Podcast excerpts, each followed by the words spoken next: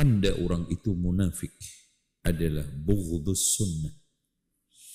Bughdus sunnah. Dan bughdu ahli sunnati wal jamaah. Karena tidak ada orang yang membenci sunnah dan ahli sunnah kecuali lawannya. Sementara lawan sunnah adalah bid'ah, lawan ahli sunnah adalah ahli bid'ah. dan di situ ada kemunafikan. Ya, kemunafikan. Karena tanda-tanda orang mukmin yang dicintai oleh Allah kata Allah apa? Qul in kuntum tuhibbunallaha fattabi'uni. Subhanallah.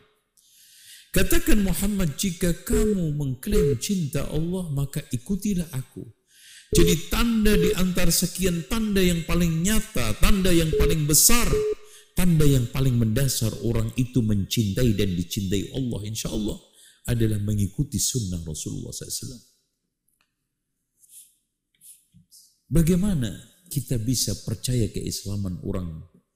Dia membenci sumber kebaikan Islam yaitu sunnah. Bagaimana tidak?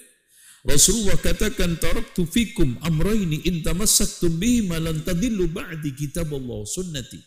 Bagaimana tidak? Rasulullah mengatakan taraktukum 'alal mislil bayda aku tinggalkan kalian di atas ajaran yang bening putih bersih. Lailuha kanahariha malamnya seperti siangnya la yazighu anha ba'di illa halikun. Tidaklah ada orang yang melenceng darinya pasti hancur. Pasti hancur.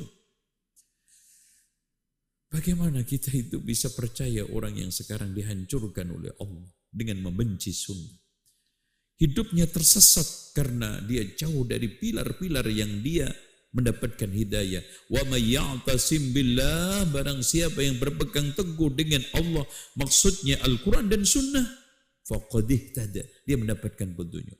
Faqad hudiya ila siratim mustaqim. Wa may ya'tasim billah faqad hudiya ila siratim mustaqim.